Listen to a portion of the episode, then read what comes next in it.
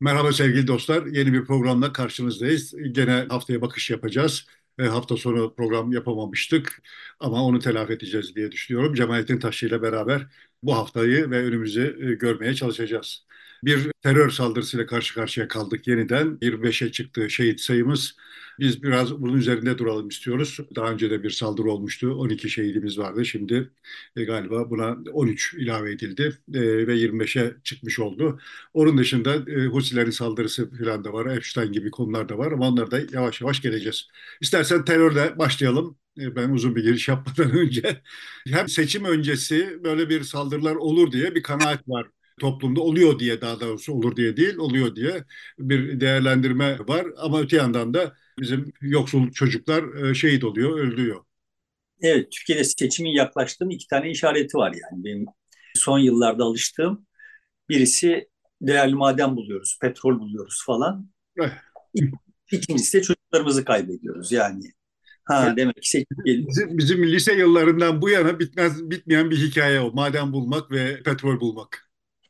Evet, eskiden vardır ama bulamıyoruz, buldurmuyorlar. Geyiği var. Şimdi buluyoruz.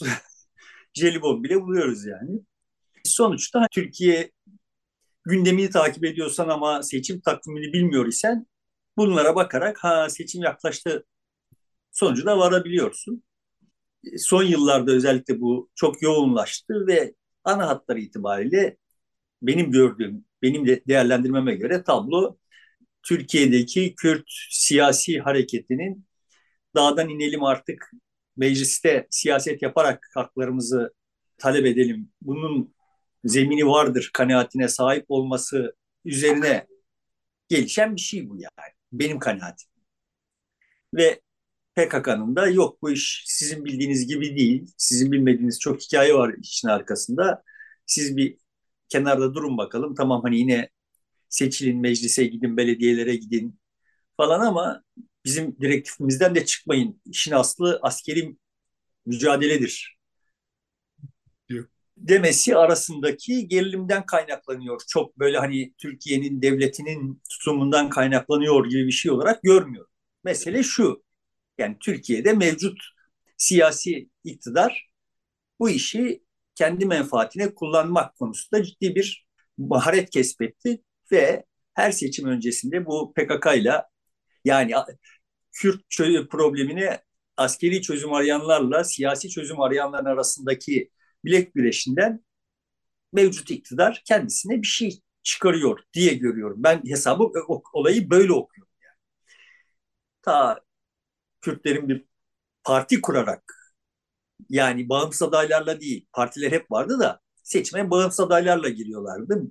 Barajı geçe, geçmeme endişeleri var idi filan bu barajı geçebileceklerine inanıp da 2015'te bir parti çatısı altında seçime girmelerinden hemen önce kendimce onların ciddi bir çapraz ateş altında kalacağını bir yanda devlet bir yanda PKK arasında sıkışacaklarını tahmin etmiştim. Bu sıkışıklıktan öyle veya böyle işte buraya kadar bir yol alabildiler. Şimdi o yolun sonuna gelindi gibi görünüyor. 2015 seçimlerinin Kürtler açısından e, temel ayrımı şuydu. Partinin artık Kürt partisi olmaktan çıkıp Türkiye'lileşme gibi bir hedefi vardı. O sloganla, o hedefle seçime girmişlerdi e, 2015'te ve Haziran seçimlerinde de ciddi bir oy almışlardı beklenmedik bir şekilde. Yani ama ana hatları itibariyle onlar da biliyordu, biz de biliyorduk ki onlara verilen oyların yüzde doksanı Kürt oyları olacak. Tabii. Sonuçta esas mesele Kürtlüğün Türkiye'deki mücadelesini siyasal zemine taşımak, buna Kürt olmayan, tırnak içinde demokrat ve işte çoğu genç olan nüfusu da müttefik olarak katmak gibi bir iddia vardı. Yani Türkiye'lileşmek iddiası ana hatları itibariyle evet Türkiye'nin büyük şehirlerinde artık Kürt olmayan genç nüfus içinde bu Kürt probleminin ancak siyasal bir şekilde çözülebilir olduğuna inanan ve ortak bir takım programlarda buluşacağımız bir nüfus da e, yetişti ve bunlarla ittifak yapılabilir gibi bir projeydi. Öyle değil mi? Evet. Kanaatlarıydı.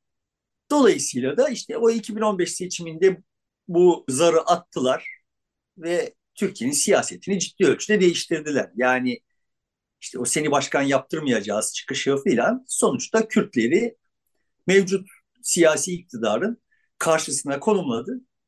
Muhalif kanada konumladı. Ve işte evet oradan bir Türkiye'leşme hikayesi çıkartılabilir gibi göründü. Seninle bizim bu programları yapmaya başlamamızın 5. yıl dönümüne geldik. Çünkü işte geçen mahalli seçimden hemen önce başlamış idik ve orada da HDP'nin tutumu o seçim öncesindeki HDP'nin tutumunun yani hiçbir pazarlık yapmadan muhalif aktörlere destek vermenin HDP açısından ciddi sıkıntılar doğurabilir olduğunu konuşmuş idik seninle. Nitekim o sıkıntılar zaman içinde büyüdüler ve şimdi gördüğüm kadarıyla benim öyle Türkiye'leşme demokratik bir program vesaire filan üzerinde uzlaşma zemini arama gibi imkanları kalmadı. Ama PKK yine de e, mevcut işte DEM'i, DEM Parti'yi zapturapt altında tutmak, kendi programına tabi kılmak konusu e, için bu tür işleri yapıyor diye bakıyorum yani. Şimdi tam da işte ondan sonra da mesela Selahattin Demirtaş gibi bu meseleyi siyaset yoluyla çözelim diyenler hapsedilmiş oldu. Ama e, bunu biz silahla çözeceğiz diyenler hala e, orada duruyorlar ve işte çatışma devam ediyor. Aslında yani Selahattin Demirtaş gibi isimlerin ve onunla birlikte pek çok isim var zaten. Onun gibi isimlerin içeride olması bu siyaset yolunun büyük oranda tıkanması, kapanması anlamına da geliyordu. Kapatılması ya da. Yani tabii ki şimdi devletin zaten bu işin siyaset yoluyla çözülmesini isteyen bir kanadı var ise onlar zaten diğerlerine yenilmişlerdi. Evet. Yani sonuçta bir e, savaş makinesi var. Bu savaş makinesinin yarattığı bir rant var. Bu rantı yiyor olan hem Türk tarafında hem de devlet tarafında bir takım özneler var yani. Bunlar zaten savaşın sürmesinden yanalar.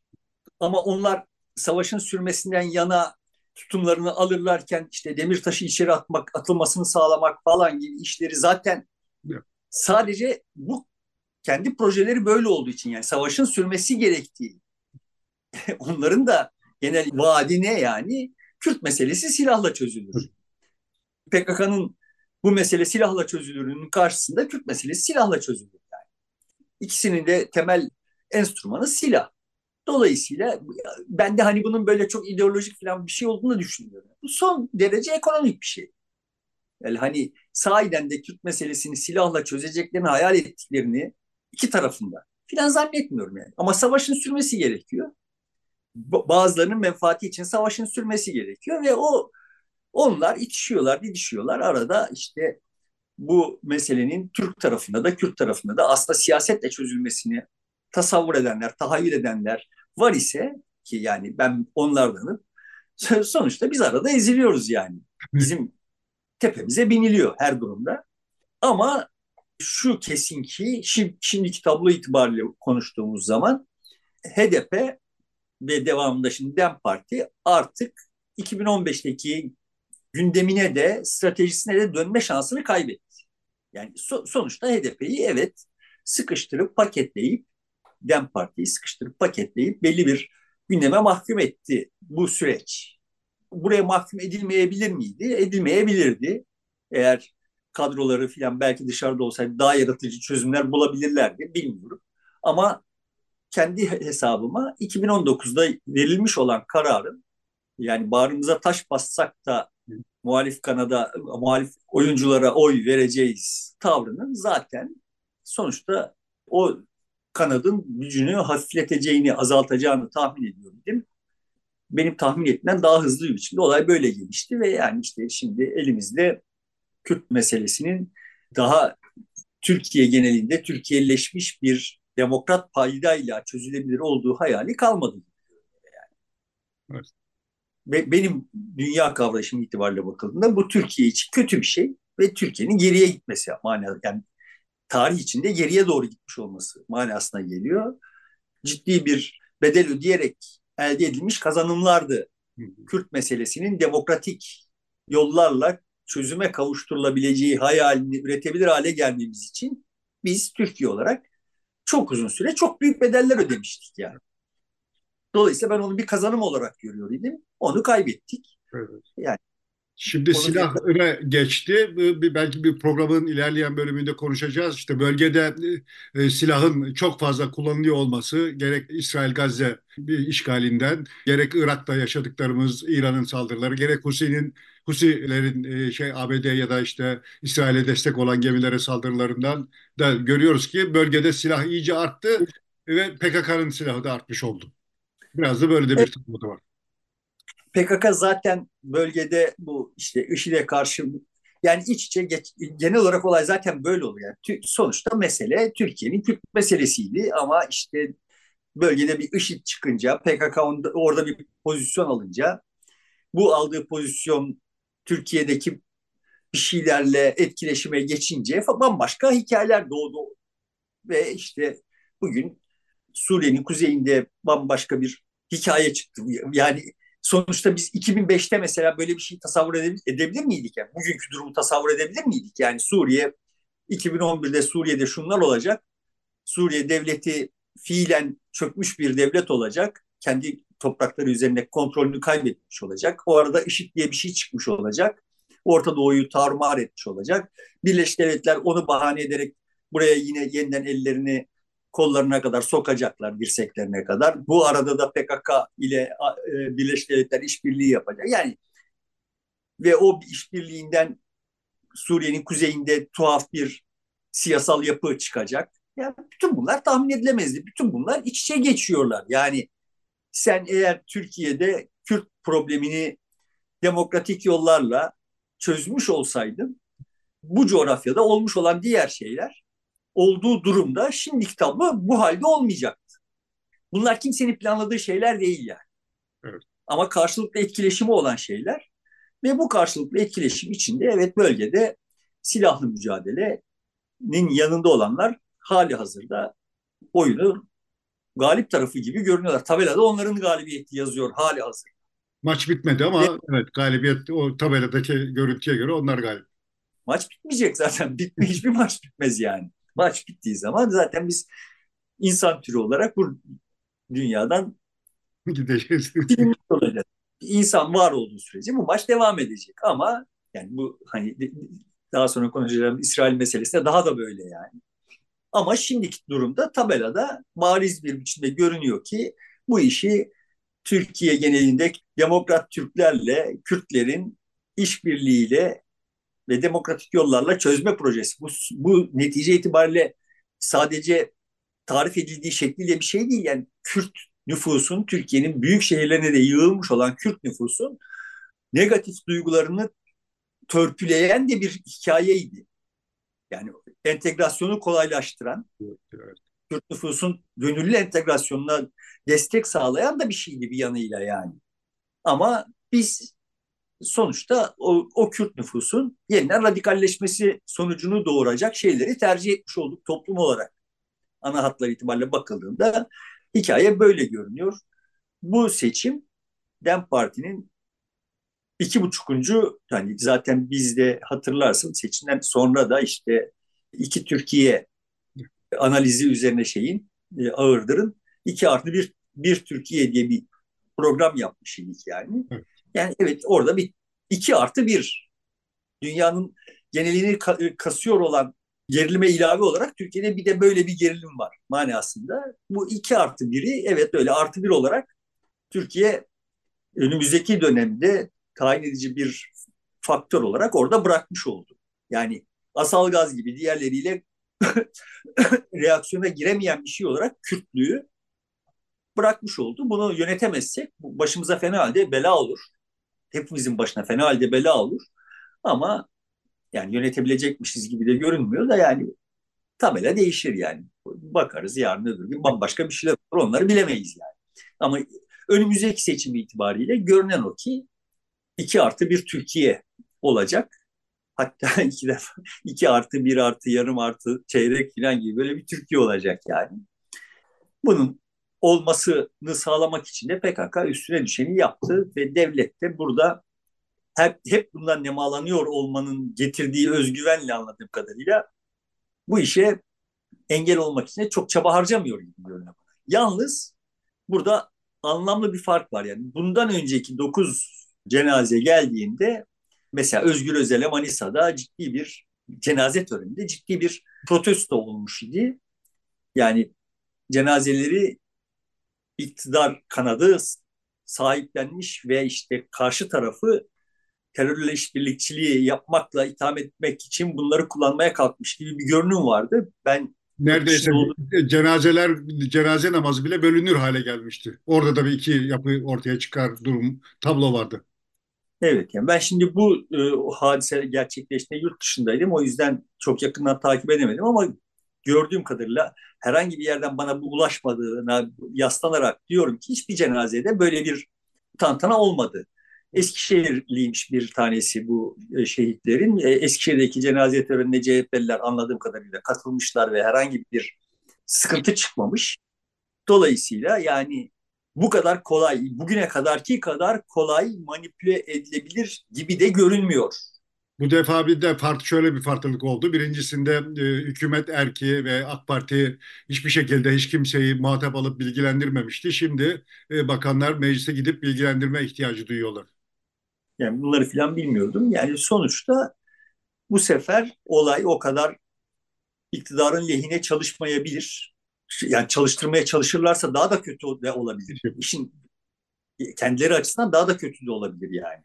İş galiba biraz renk değiştirdi ve eğer hani şimdi Özgür Özel'in böyle el yordamıyla yapmaya çalıştığı gibi kardeşim bizim çocuklarımızın ölümü ne mani olamıyor iseniz orada ne işiniz var edasıyla hesap soran bir edayla bu meselelere yaklaşılması geniş bir kesime CHP'ye oy vermek için bir bahane de sağlayabilir yani.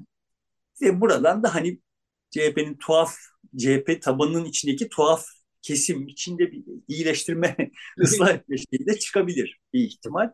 Evet. Ee, nasıl bir etkisi olacağını kestirmek için çok erken olduğunu düşünüyorum. Yani seçimin genel hikayesinde hikayesini kestiremiyor olduğum için bunların nasıl terazinin hangi kefesine ağırlık koyacağımı da kestiremiyorum yani. Ama görüne böyle bir fark gördüm. Çok yakışıklı değil böyle hani bu şehit bu kadar şehit verip ondan sonra üzerinden bunun sandığa nasıl etkisi olacak diye tartışmak ama yani bir, tar etkisi olacaktır. Yani mecbur kalıyoruz. Bunları da konuşuyoruz yani. Evet, istersen buradan dünyaya biraz çıkalım. Ee, bizim Türkiye'de siyasetin yerine silahın yeniden öne çıktığı bir tablo karşısında Amerika'da da normal siyasi anlayışın dışında başka şeyler ortaya çıktı. Ahlak dışı Epstein e, meselesi var davası. Burada işte bir takım devletin üst düzey unsurlarının, şöhretlerin ve politikacıların e, uygunsuz bir takım e, hareketler içerisinde olduğu görülen bir dava var. Bu giderek de yaygınlaşıyor. E, çocuk kaçırmasına kadar da uzanan ve çeşitli ülkelerle de giderek bağı kurulmaya çalışılan ve bazılarıyla da kuvvetli bağ kurulan bir davaya dönüştü bu iş. Şimdi bu Epstein'in tutuklanması sonra hapishanede ölmesi filan zaten orada ciddi bir takım e, nasıl diyeyim filleri rahatsız ediyor olan bir şeyler olduğunu işaretiydi. Bu, yani bunu da vesileyle konuşmuşuzdur mutlaka. Sonuçta orada bir kara delik vardı ve bu kara deliğin bana sorsalardı onu hiçbir zaman öğrenemeyeceğiz. Arka planda arkadaki hikaye nedir bunu hiçbir zaman öğrenemeyeceğiz derdim. Şimdi birdenbire öğrendik. Tuhaf bir biçimde. Ne zaman öğrendik? İsrail Gazze'de insanlık dışı bir takım işler yapıyor iken birdenbire ortaya şu çıktı ki yani orada bir takım kötü siyasetçiler daha doğrusu omzu kalabalık insanlar var ve bunlar böyle acayip insan çok da midesini kaldırmayacağı türden işler yapmışlar ama esas mesele o değil yani. Esas mesele şu yani. İsrail devletinin gizli servisi tarafından gizli servisiyle irtibatlı birileri yani Epstein ve işte patronu ve işte filan falan sevgilisi bunlar İsrail devletinin gizli servisiyle irtibatlı insanlar ve işte bak onlar böyle bir şeyler yapıp sizin bizim kendilerine oy verdiğimiz insanları tufaya düşürüp bunları kaydedip filan yani yarın öbür gün açığa çıkacak şekilde kaydedip filan böyle acayip bir komplo kurmuşlar. Yani ne anlamamız gerekiyor buradan? İsrail dünyanın muhtelif yerlerinde İngiltere prensi de dahil olmak üzere her bir kişiyi kendi kontrolü altına almış aman ha bu İsrail'e güven olmaz. Ve biz şimdi bu İsrail'i bir, bir biçimde sınırladık. Ya da sınırlıyoruz bu davayla, bu ifşaatla bunu sınırlıyoruz. Yani şimdi düne kadar çıkmamış olan şeyler niye şimdi Gazze'de bunlar yaşanıyor iken çıktı? Ba- bana kalırsa bundan çıktı yani. Ve İsrail'e, dev, İsrail devletine yani İsrail devletiyle Yahudileri birbirinden ayırıp bak kardeşim burada esas günahkar olan İsrail devletidir. Siz Yahudilerle uğraşıp durmayın. Bu İsrail devletini bir biçimde ehlileştirebilir isek, onu diz çöktürüp masaya oturtup insani bir çözüme razı edebilir isek Yahudilerle pekala dünyanın geleceğini birlikte yapabiliriz gibi bir bir şey satmak için birileri piyasaya çıktı diye düşünüyorum. Hemen akabinde ne oldu? Sinagogların altında bir şeyler çıktı galiba. evet. New York'ta sinagogların altında tüneller, tünellerden kanlı şilteler falan filan çıkar bulunduğu filan.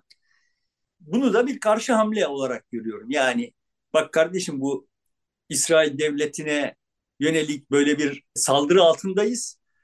Siz, biz Yahudiler öyle güvende değiliz hiçbir yerde. Pekala bizi işte böyle çocuk hırsızı, çocuk kanı içen melunlar olarak kodlayıp hepimizi imha etmeye yeniden kalkabilirler eğer orada İsrail yoksa. Ya şimdi PKK'nın Türkiye'de Kürtlere söylediği şey bu değil mi yani? Bak burada PKK yoksa bu devlet hepinizi imha eder. Ancak silahlı bir şeyle bu sınırlanabilir. Gibi yani İsrail devleti o işte hani bu tuhaf işleri işleyen İsrail devleti olmazsa bu dünya insanları biz Yahudilere katlanamaz, hepimizi imha ederler. Bunlar zaten eli kulağında bekliyorlar. İşte görüyorsunuz bak oradan şunları yapıyorlar. Şir, kanlı şilteler çıkarıyorlar filan falan diyerek bu arada İsrail'den çok da ciddi bir nüfus akımı oldu. Dışarıya. Dışarıya ve bunlar genel olarak da hani bizim geçenlerde söyle benim geçenlerde şey diye söylediğim yani şu anda dünyanın dünyanın geleceği için en çok güvendiğim oyuncu İsrail muhalifleri dediğim kesimden yani bu kaçışlar genel olarak. Dolayısıyla İsrail zaten bozulmuş demografisi iyice bozuluyor. Bunu tersine çevirmek yani İsrail'den kaçışı önlemek, kaçmış olanları da geri getirebilmek için böyle bir şeye ihtiyaç var diye düşünüyorum. Şöyle de olabilir mi? Tam tersi ya bu Netanyahu ve ekibi bizi belaya götürüyor. Onlardan kurtulmamız lazım. Değerlerini toparlanın onu değiştirelim. Duygusunu da pekiştirmez mi bu karşı tez olarak? Ya şuraya gider zaten. O, o yani ben, ben her halükarda oraya gideceğini düşünüyorum. Tamam kardeşim bak yani İsrail gizli servisi, İsrail devleti filan bir şeyleri doğru dürüst ve Yahudilerin sığınağı olarak ne gerekiyorsa onları doğru dürüst yapıyor. E yani burada ama Netanyahu'nun yaptıkları hakikaten bizim bile içimize sinmiyor yani. E tamam Netanyahu'yu kurban verelim. Yani yargılansın, cezasını çeksin filan falan ama İsrail devletine bir halel gelmesin. Yani İsrail devleti başka Netanyahu başkaya gelecekti zaten ona.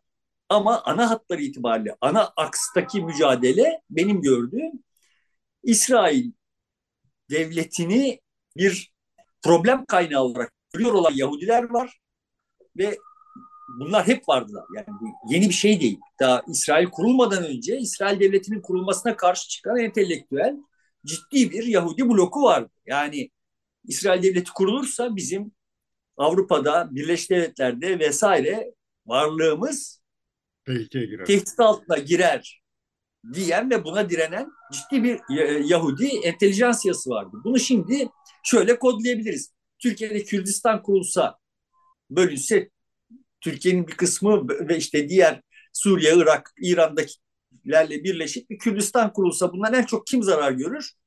İstanbul'daki, Antalya'daki, İzmir'deki Kürtler zarar görür. Dolayısıyla böyle bir Kürdistan kurulmamasının, böyle bir Kürdistan kurma hayalinin önündeki en büyük takoz bölge dışında yaşayan Kürtlerdir yani. Benzer bir şey ta başından İsrail devleti kurulurkenden itibaren İsrail'de var idi. E, Yahudiler arasında var idi ve İsrail varlığı hala birçok Yahudi için e, yani ağır top birçok Yahudi için bir problem kaynağı. Bunlarla yani dünyaya entegre olmuş, barışçı bir biçimde entegre olmuş ve Yahudi düşmanlığını öyle veya böyle dizginlemiş Yahudilerle İsrail yanlıları arasında yani bu ana hatları itibariyle de şey olarak sermaye yapısı itibariyle de zaten bir fark sergiliyor. Yani İsrail yanlısı sermaye ile İsrail dışındaki Yahudi sermayesinin arasında da karakter farkı var. Dolayısıyla böyle bir iki sermaye grubu, iki bakış açısı vesaire üzerinden bir kavga yürüyor. Bu kavga sadece Yahudileri veya sadece İsrail'i ilgilendiriyor olsaydı hani ne halleri varsa görsünler diyebilirdik. Ama öyle değil. Çünkü evet bütün dünya üzerinde bu oyunu oynuyorlar. Şimdi görünüyor olan tablo çok somut bir biçimde İsrail bu savaşı yaymaya çalışıyor. Yani Netanyahu bu savaşı yaymaya çalışıyor. Ben bunu böyle çok Netanyahu, yani Netanyahu kaçınılmaz olarak kendi siyasi ikbali için bunu yapacak, bunu yapmayı isteyecek. Ama bu sadece Netanyahu'nun projesi olsa hayata geçiremez. Arka planda başka bir tırnak içinde ideoloji var. Yani işte o Büyük İsrail ideolojisi var.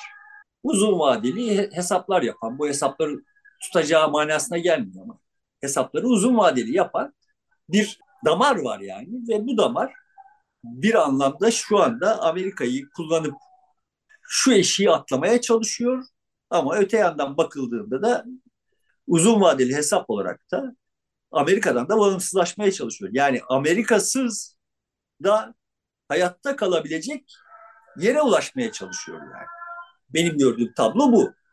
Şu anda Amerika'ya muhtaç, Amerika'ya muhtaçlığından da kurtulmak istiyor. Amerika'da ve Batı'da bakış değişmeye başladı mı İsrail'e karşı? Hep e, kendilerinin oradaki bir uzantısı yani kendileriyle bütünleşik görüyorlar idi.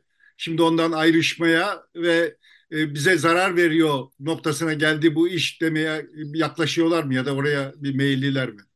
Şimdi şöyle başından itibaren zaten İsrail'in varlığından rahatsız olanlar, rahatsız olan Yahudiler vardı. İsrail'in varlığından rahatsız olan Yahudi olmayanlar da vardı. Ama ana hatta itibariyle tablo şöyle bir şey çok uzaktan bakınca bana görünüş itibariyle ya zaten bizim Yahudi düşmanlığımız vardı. Ya Yahudilerin bir devleti olunca orada ve Yahudiler de oraya gidince burada sadece seçkinleri kalınca Londra'da işte Hamburg'da şurada burada böyle pançak pançak ve seçkinleri, zenginleri kalınca toplumdaki Yahudi düşmanlığı da toplumlardaki Yahudi düşmanlığı da zayıflamıştı. İyi yani bizim işimize geliyor idi tablo. Yeri geldiğinde İsrail'e vururuz, sö- söveriz, ederiz filan ama yani sonuçta bu bir Yahudi düşmanlığının yeniden alevlenmesine izin vermeyiz. Böyle de gider bu iş. Yahudi düşmanlığı çok eski bir şey yani. Bütün dünyada çok eski bir şey yani Yahudi düşmanlığı ve çok kana e, dökülmesine sebep olmuş, çok baş ağrıtmış bir hikaye. Bizde olmadığı için bizde şimdi böyle her şeye kolaylıkla ırkçılık, Türkler ne kadar ırkçı falan falan yaftalara yapıştırıldığı için biz bunları bilmiyoruz da yani Avrupa'da o Yahudi düşmanlığı Türkiye'dekinin yani Türkiye'de böyle çok Yahudi düşmanlığı var falan gibi masallar anlatıyorlar. Yani bizde hiç olmadı öyle bir şey yani. Hiç yani. Hele Osmanlı döneminde hiç olmadı Batı'da e yani, Orada toplumsal bilinç altında böyle çok kazılı bir şey var yani. Bizim yaşamadığımız şeyleri yaşamışlar yani buradan bir e, olumluluk olumsuzluk çıkartmaya çalışmıyorum. Kimseye bir paye vermeye çalışmıyorum. Sadece bir, bir bilginin kaynağı itibariyle onlarda var olan bilgimizde yok yani. Biz biz bunları yaşamadık. Bu bunun olumlu sonuçları var, olumsuz sonuçları var. Bahsi diğer. Sonuçta orada ama genel olarak tavır tavrın arkasına yatan şey şuydu, şuydu yani benim gördüğüm kadarıyla. E, tamam orada bir İsrail olsun. Biz yeri geldiğinde İsrail'e söyleyelim. Ama işte hani Yahudi düşmanlığı da buradan gazını almış oluruz falan toplumun. E, böyle de gidiyoruz, iyi gidiyoruz yani. İsrail yandaşlığı hani şey değildi demeye çalıştım. Böyle orada bizim e, şeyimiz var falan değiliz. Yeri geldiğinde işe yarayan bir enstrümandı. Hani Kıbrıs için gelir ya Doğu Akdeniz'deki işte sabit uçak gemisi. İşte İsrail'de Orta Doğu'da Orta Doğu'ya müdahale etmek için e, elverişli bir şey gibi anlatılıyor. Yani o Batı'nın, Avrupa'nın falan falan İsrail'i öyle kullandığına dair bir işaret de yok ortada. Yani zaten de niye olsun yani?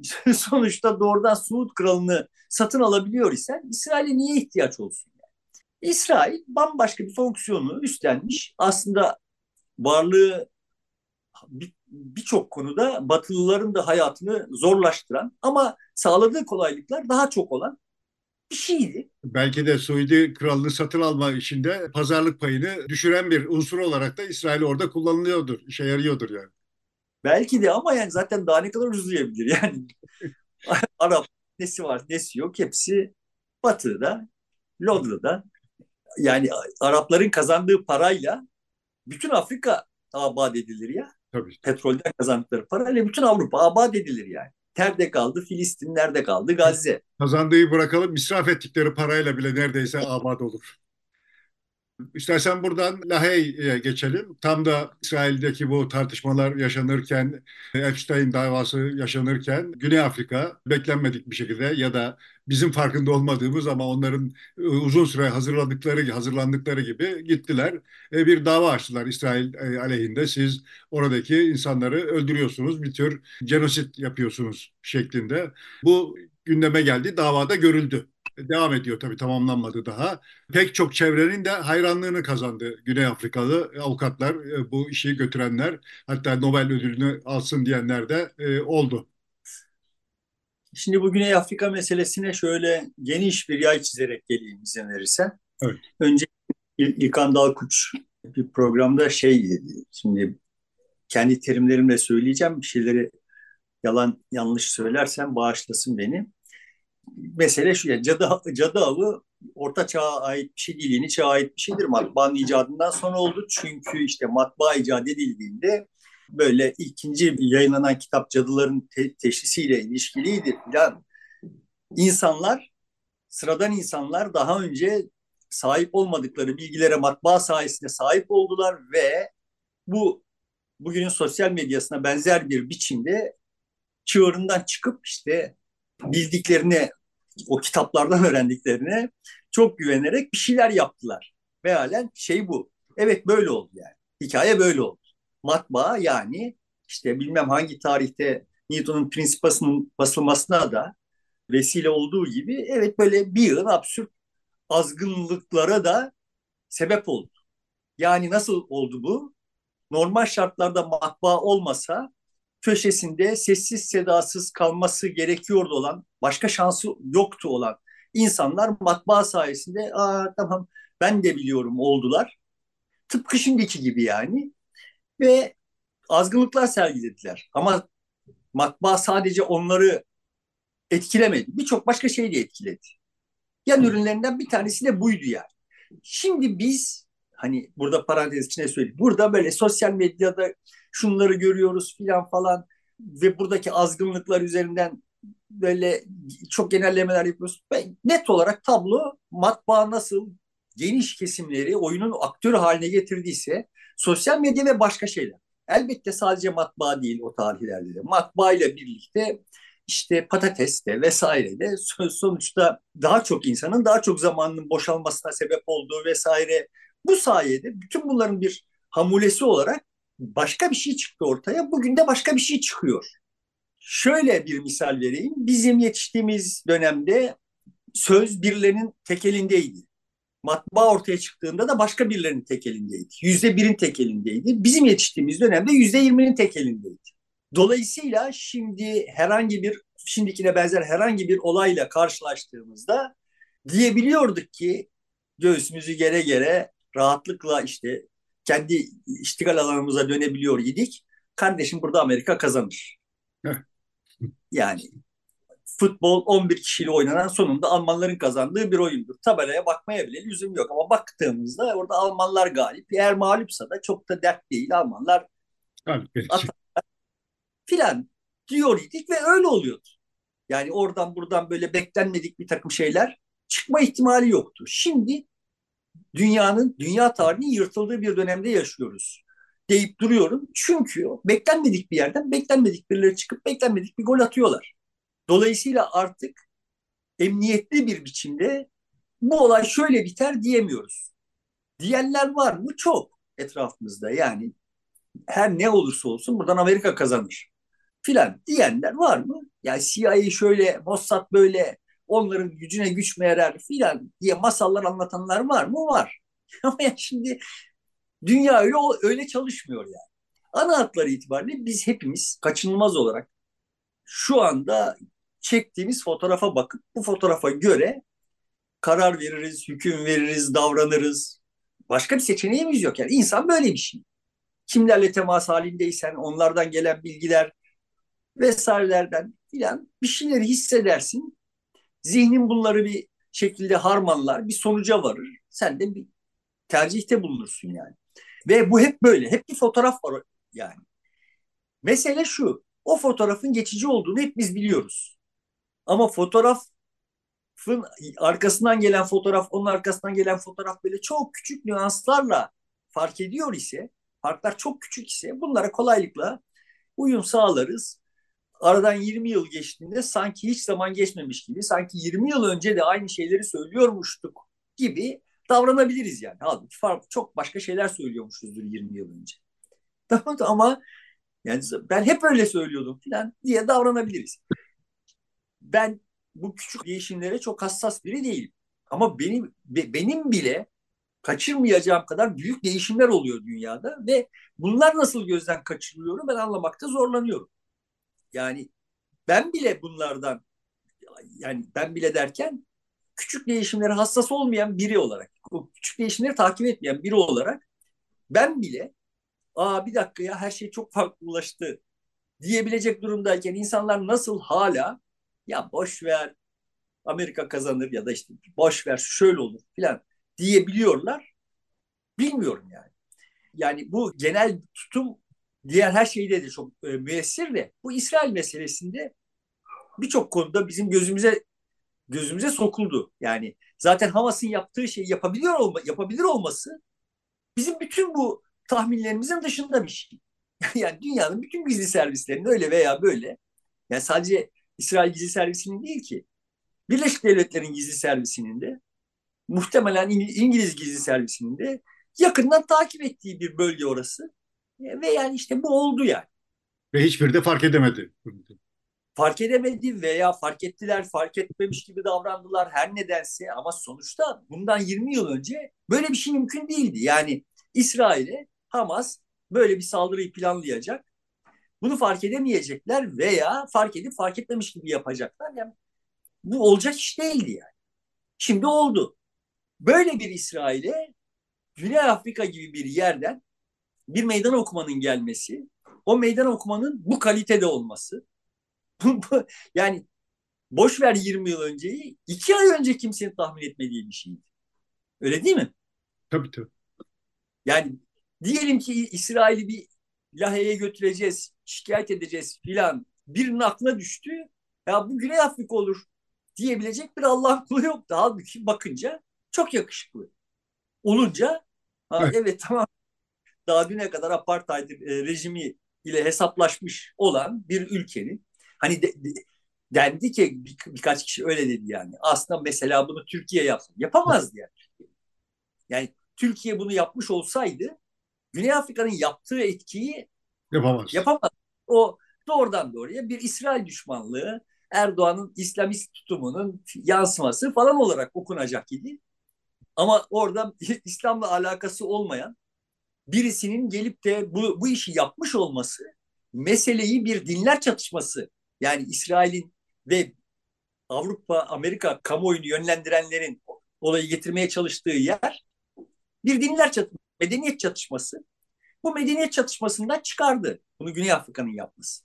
Şimdi yine çok bilmişler diyecekler ki e ne olacak ki?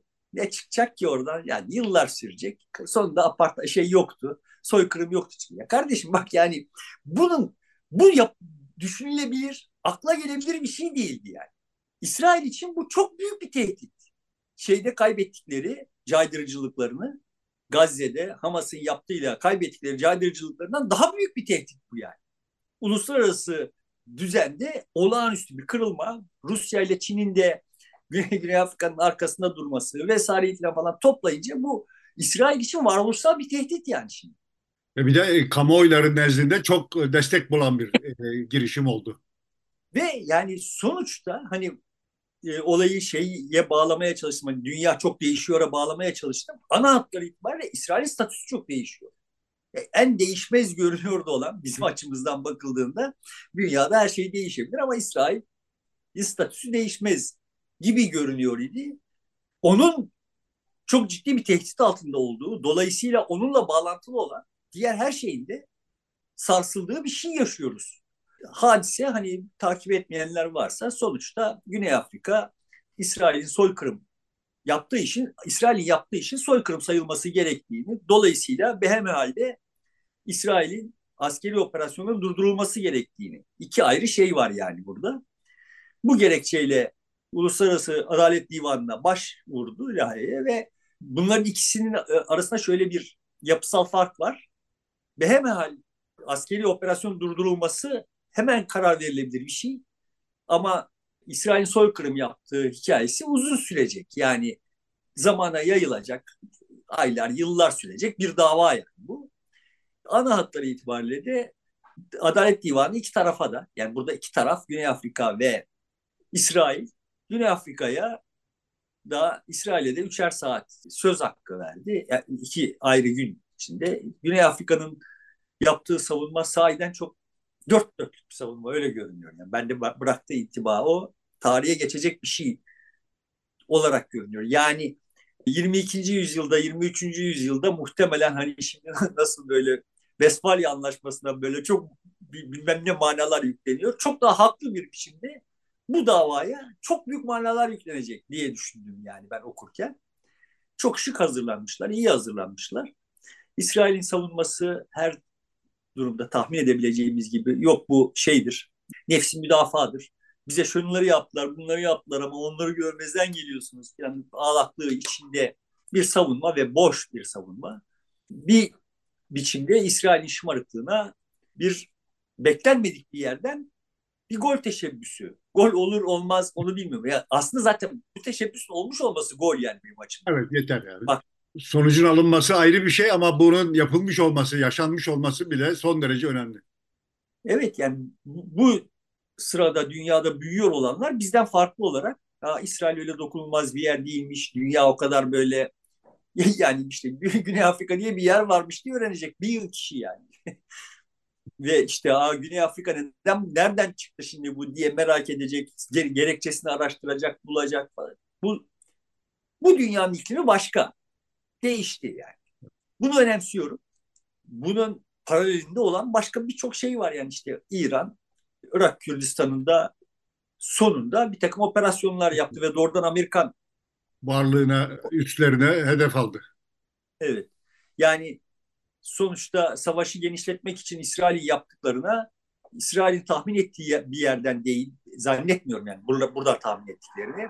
Yani Amerika'nın daha kompanse edebileceği, tolere edebileceği bir yerden müdahale edip hem kendi tırnak içinde namını korudu hem de Birleşik Devletler'in doğrudan müdahalesini gerektirmeyeceğini düşündüğüm bir şey yaptı. Onlar da öyle düşündüler diye düşünüyorum. Ama burada Birleşik Devletler otoritesinde de ciddi bir sarsılma ortaya çıktı. Öteki tarafına baktığımız zaman zaten hani Güney Afrika'dan da daha, daha beklenmedik bir şekilde Husiler. Yani şimdi normal şartlarda İsrail Gazze'ye kendi planlarını planlarıyla girmeye kalktığında ve buradan da olayı bölgeselleştirmeye çalıştığında neyi hayal etmiş olabilir diye düşündüğünde yani işte Lübnan'ı işin içine katacak, Suriye'yi işin içine katacak, Batı Şeria üzerinden Ürdün'ü işin içine katacak, son tahlilde İran'ı işin içine katacak filan. Ama gitti en olmadık yerden Husiler oyuna dahil oldular ve tam bir kükreyen fare hikayesi oldu. Yani hani Husiler ne yapabilir ki? Bütün bu denklemde Husilerin yeri ne ki yani? Evet. Hem Husiler sahada devreye çıkmış oldu. İran e, suskun kaldı. Bir yandan da Güney Afrika devreye girmiş oldu. Beklenmedik işler ikisi de. Ve yani Husiler sonuç aldılar. Hani böyle kardeşim Hatice'ye bakma neticeye bakıp duranlar için söyleyeyim. Sonuç aldılar mı? Aldılar. Yani İsrail'i boğdular mı? Boğdular. İsrail konusunda birçok kişinin canını yakıp da tedbir almaya zorladılar mı? Zorladılar. Amerikan donanmasına zarar verdiler mi? Verdiler. Amerikalıları da oradan saldırıya mecbur bıraktılar mı? Bıraktılar. Şimdi Amerika'da kendi şerefini oradan korumaya çalışıyor. İran'la itişmeyip Husilerle itişiyor ve bence daha komik duruma düşüyor. Yani şimdi İran'la itişen bir Amerika hiç değilse yenilse bile bir manası olan bir şey. Yani. Husilere yeniliyor yani. Evet. Ve hakkından da gelemeyecek gibi görünüyor. Dolayısıyla şimdi böyle her şeyin alt üst oluyor olduğu bir dünyada yaşıyor olduğumuzun her gün yeni misallerini görüyoruz. Ve iş giderek böyle hani bu İsrail, Gazze hadisesinin dünyanın fitilinin çekileceği bir yer, bir şey haline almaya başladığı gibi bir yani bunlar için erken bu tür sonuçları çıkarmak için. Ama bütün dünyada seçim yılında yani dünyanın ciddi bir nüfusunun sandığa gidecek olduğu bir yılda bunların oluyor olması çok büyük bir hesaplaşmanın artık ertelenemez bir yere geldiği intiba bırakıyor bende. Yani bu Epstein meselesi vesaire falan falan dediğim gibi hani böyle gökten zembille küt diye şimdi bu tarihte laf olsun diye gelmedi yani. Ve öyle bu, kıpıracakmış gibi de durmuyor. Daha da derinleşecekmiş izlenimi uyandırıyor. Gibi yani sonuçta yani orada işte bir Epstein meselesi burada, Husi meselesi şurada, İran'ın yaptıkları burada, Gazze'deki her şeye rağmen yani o kadar can kaybına rağmen can siperhane direniş, işte bu Güney Afrika'nın çıkışı vesaire orada Güney Afrika'nın çıkışının arkasında Rusya'nın Çin'in hizalanmaya başlaması, buna mukabil mesela Hindistan'ın işte çıkıp da İsrail'in arkasına hizalanması gibi böyle yani o da aynı şey değil mi? Yani şimdi İsrail'in arkasına kim hizalanır bu kadar kararlı bir biçimde diye baksan Hindistan herhalde 30. sırada filan gelirdi. Evet. Ya ama Avrupalılardan daha kararlı bir biçimde durdu yani. Evet. Yani dünya bizim bildiğimiz dünya değil artık. Daha doğrusu kimsenin bildiği bir dünya değil. Bu dünya yeniden yapılacak ve bu yeniden yapım için var olanın yıkılması işi sanki böyle Orta Doğu'dan, İsrail'den başlıyor gibi bir çok erken, çok acul bir şey çıkarımda bulunabilirim gibi hissettim. Yani burada bir şey daha var. O da e, bir savaşan bir ülkede o ülkenin insanları e, günlerdir bir miting yapıyorlar o ülkenin başkentinde. İntikam zafer değildir diye e, yola çıkabiliyorlar yani. Bu da aslında hiç karşılaşmadığımız bir tablo bugüne kadar. Sonrasında da işte bizim Türkiye'de iki tane Yahudi İsrailli futbolcu cezalandırılıyor filan. Hani net toplamda şunu söyleyeyim yani bana bu ilk söylendiğinde yani o İsrailli futbolcunun yaptığı işi aptalca buldu. Yani Batı'da pro Hamas, pro Arap herhangi bir şey söyleyeni derdest ettikleri bir tarihte, bir dönemde yani Guardian'ın bilmem kaç yıllık karikatüristini kovduğu, öteki tarafta Birleşik Devletler'de rektörlerin işlerinden oldukları filan bir dünyada sen şimdi Türkiye gibi bir yerde yani bunu yapmasan ne olur kardeşim yapmayı ver yani böyle hani 7 Ekim 100 gün filan falan gibi geyikler. Dolayısıyla aptalca bu. Ay, bizim gösterdiğimiz reaksiyon akıllıca mı dersin? Yok bizimki de aptalca. Yani bunu pekala tolere etmek mümkündü. Ama biz zaten yani aptallığımızın şeyi yok yani. Star, Starbucks'ta kahve içenlere nasıl saldırıyor isek burada da bu hareketi yapan İsrailliyi göndermek gibi bir durumla karşı karşıya kaldık. Hayır bir de yani Futbol Federasyonu gibi bir özne var işin içinde. Yani zaten akıllıca herhangi bir şey yapmamış. Evet. Bu, bu öznenin de etki alanında olan bir yerde bunlar yapılır mı yani? Hiç mi bunların yanında yamacında ya bir dakika bunu biraz başımızı derde sokar diyen kimse yok. Hayret yani. Ama ana hatları itibariyle bütün bunlar gösteriyor ki net toplamda yani dünya çok hızlı bir biçimde bir duvara doğru gidiyor. Bu yıkılması gereken çok şey var dünyada. Bunların yıkımının başlamış olduğunu zaten düşünüyorum. Yani en başta okul kurumu olmak üzere defalarca söyledim yani. Yıkılması gereken çok şey var. Bunlar pa- parça parça demonte ediliyor idiler ama çok daha kapsamlı bir hesaplaşmaya doğru gidiliyor gibi görünüyor yani. Bunu zaten hani bekliyor olduğum için de bana öyle geliyor olabilir. Onu da bilmiyorum. Yani ben hani çok uzun süredir zaten böyle bir şey bekliyordum. Ha bak şimdi tam onlar oluyor falan gibi bir zanla da kapılmış olabilir. Yani ben bana... hazırım diyorsun. Küçük bir işareti buraya sayma yap. Dünyanın sonuna geldiğinin ya da değişimin artık kaçınılmaz hale geldiğinin işareti olarak göreceksin yani. Ee, yani burada çok işaretli, çok alametler belirdi. Çok mesela Rusya-Ukrayna savaşında öyle değildi yani. Ama yani ya, da mesela hani Trump'ın iş başına gelmesinde veya işte yani onları hep ocağın hararetinin arttı, arttığının alametleri ok, olarak okumuş idim. Öyle de görünmüştü herhalde. Şöyle bir tablo da var Ukrayna Savaşı deyince. Mesela Ukraynalılar savaşacak asker bulamıyorlar. Savaşanların ortalaması da 45'in üstündeymiş e, yaş olarak. Ruslar da bulamıyor. Onlar da e, uzaklardan getiriyor. Mesela İsrail'dekiler de pek savaşmak istemiyor. Onlar da kaçmaya başladılar. Son dönemde bu, tür savaşlarda girmek istemiyor insanlar. O ülkelerin e, askerleri de girmek istemiyor. Yani savaştan uzaklaşan bir döneme de geldik. Tıpkı yani Tel Aviv'de vatandaşın savaşa hayır diye ortaya çıkması gibi. Şimdi buradan da Nişanyan'a referans edeyim. Nişanyan son programda izlemedim ama izleyenlerin anlattıkları kadarıyla demiş ki milliyetçilik dediğimiz şeyin özü devletler daha önce paralı askerler kullanıyor idiler. Parasız asker yani vatandaşı asker yapmak için milliyetçilik gibi bir şey. İzlemediğim için doğru ifade etmiyor olabilirim de ama bu korelasyonu kurmuş. Şimdi eğer böyleyse ki böyle olduğunu düşünüyorum, katılıyorum bu anlamda. Bu, böyle bir teşhise katılırım yani. Ve mesele şu. Hani senin dediklerinle birleştireyim şimdi. Demek ki milliyetçiliğin çok tırmandığı söylenen dünyada aslında milliyetçilik ciddi miktarda kan kaybetmiş. Yani bundan 40 yıl önce herhangi bir devletin bir savaş çıktığında haklı veya haksız bir savaş çıktığında vatandaşlarından asker bulamamak, vatandaşların askerden kaçma motivasyonuyla baş edememek gibi bir problemi olmaz. Demek ki milliyetçiler şimdi böyle Türkiye'nin milliyetçileri gibi yani uzaktan uzaktan hey filan demeyi seviyorlar ama cepheye gitmeye kalkıldığında öyle pek de yani Türkiye'de Türkiye gibi işte Mehmet diye bilinen işte asker olarak doğduk denilen bir ülkede bile artık askerlik e, parayla yapılıyor. Gönüllü e, askerlik yapan yok. Evet. Yani sonuçta şimdi kaybettiğimiz çocuklarımızın tamamı 3-30 para için orada eğer PKK öldürmezse donacak şartlarda yaşamayı göze alıyorlar. Neden? Yani çünkü evet ötekisi zor artık yani.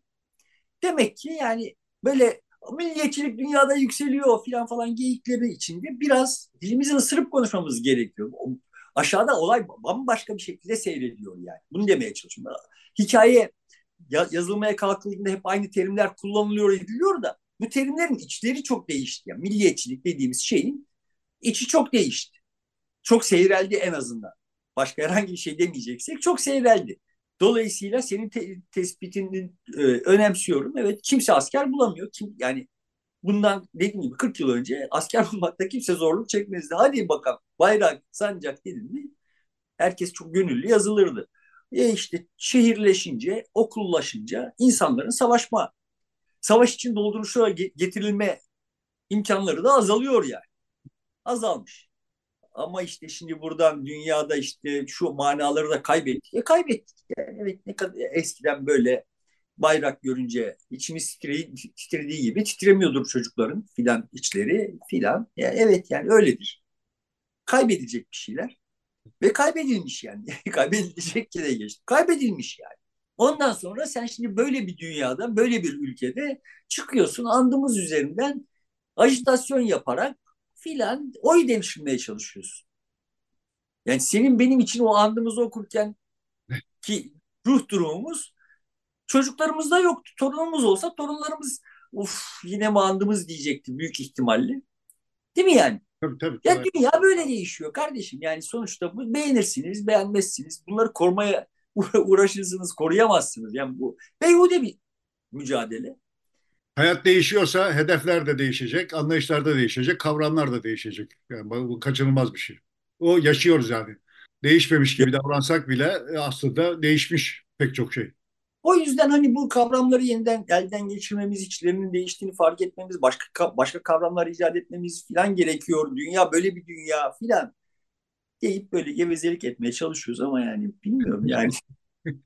Sonuçta dönüyoruz dolaşıyoruz. Aynı şey. Peki o zaman burada yavaştan bitirelim. Hay hay. Sevgili dostlar burada bitiriyoruz programı. Desteğiniz için, ilginiz için çok teşekkür ediyoruz. Yeniden görüşmek üzere. Hoşçakalın.